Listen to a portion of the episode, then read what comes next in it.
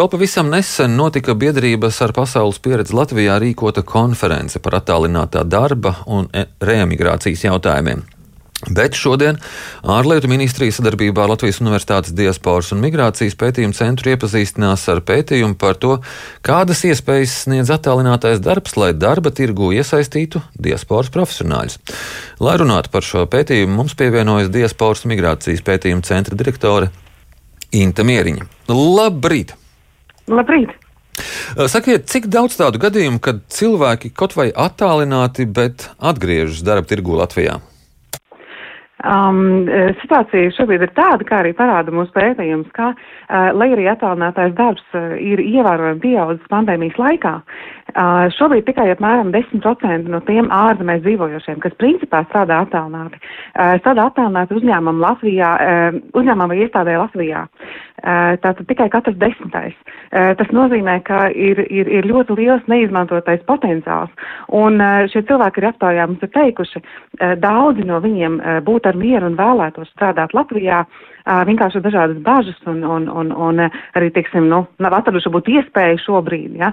Um, bet viennozīmīgi šis potenciāls tur ir, un tādēļ ir prieks, ka arī um, ārlietu ministrija un arī iekšlietu ministrija un uh, citas uh, valsts iestādes ir pieķērušās nopietni šim jautājumam, un uh, tas, uh, tas patiešām varētu būt um, būtisks, teiksim, nu, avots, kā var Latvijai piesaistīt šos te ārzemēs dzīvojušos speciālistus. Tad to vēl nevarētu nosaukt par tendenci, ka cilvēki dzīvo ārzemēs un strādā Latvijā, vai arī otrādi, ka cilvēki atgriežas Latvijā fiziski un strādā, paliek strādāt mm -hmm. tur ārzemēs. Šobrīd ir tā, ka, e, lai gan attālinātais darbs ir ļoti izplatīts, bet tieši pārrobežu attālinātais darbs ne tikai Latvijā, bet vispār arī Eiropā ir mazāk izplatīts. Tā kā, lai arī dažkārt runā par to, ka, teiksim, Eiropā šeit jau mēs esam pieredzam faktiski situāciju, ka šīs robežas tiek mīkstinātas un mazinātas, tomēr reāli darba tirgū strādājošiem tās robežas joprojām ir diezgan īstas un reāls.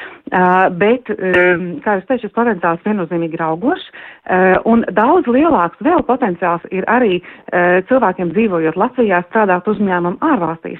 Un arī dzīvojot Latvijā, tad šeit šis cilvēks attiecīgi var būt kopā ar savu ģimeni, uh, var, var, var dažādā veidā iesaistīties uh, un palīdzēt Latvijai citā veidā, faktiski saglabājot šos savus ienākumus ārzemēs. Un šādi te attālinātā forma, uh, attālinātā darba forma uh, arī aptaujā tiek vērtēta kā pat vēl perspektīvāka.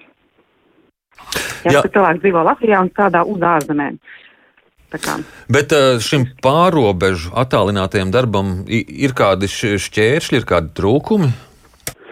Nu, viena lieta, protams, tas, kas kavē darbu uz Latviju, ir līdzīgi šķēršļi kā tie, kas kavē e, darbu Latvijā principā. Ja tas ir gan atalgojuma atšķirības jautājums, šim atalgojumam tāpat ir jābūt konkurētspējīgam. E, vēl, protams, ir runa arī jautājums par uzņēmumu digitalizācijas līmeni, kas, protams, ir pieaudzis, um, bet kur joprojām ir iespējami uzlabojumi.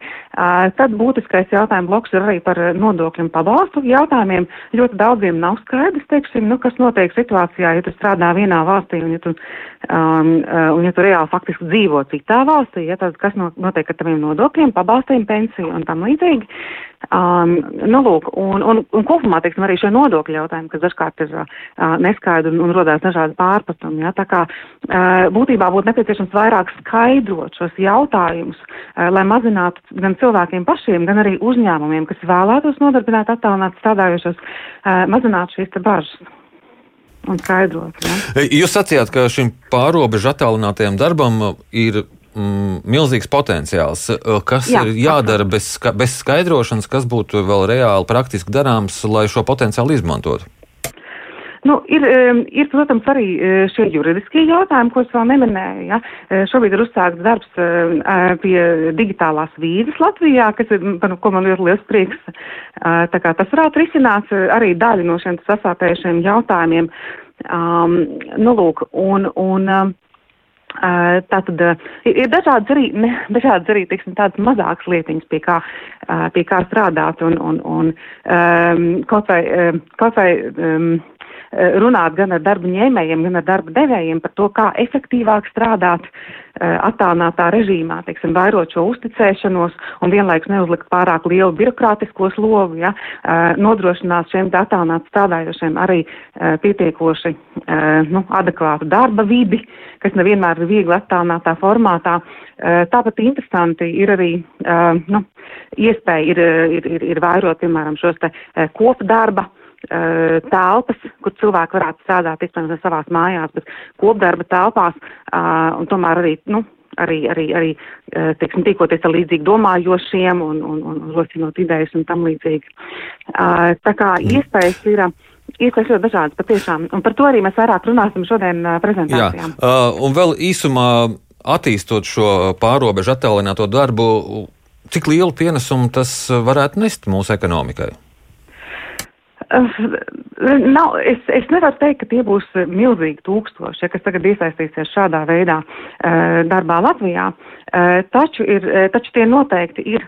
Tas ir noteikti ir ievērojams skaits cilvēku, Eh, kas, eh, kas var sniegt pienesumu Latvijai. Ir svarīgi arī apzināties, ka tie ir cilvēki, kas ir ļoti augsti kvalificēti, eh, lielākā daļa ir augstākā izglītība. Tie ir cilvēki, kas strādā jomās, kur tieši Latvijai trūks darbinieku. Daudzi, daudzi nāk, piemēram, no informācijas tehnoloģiju jomas.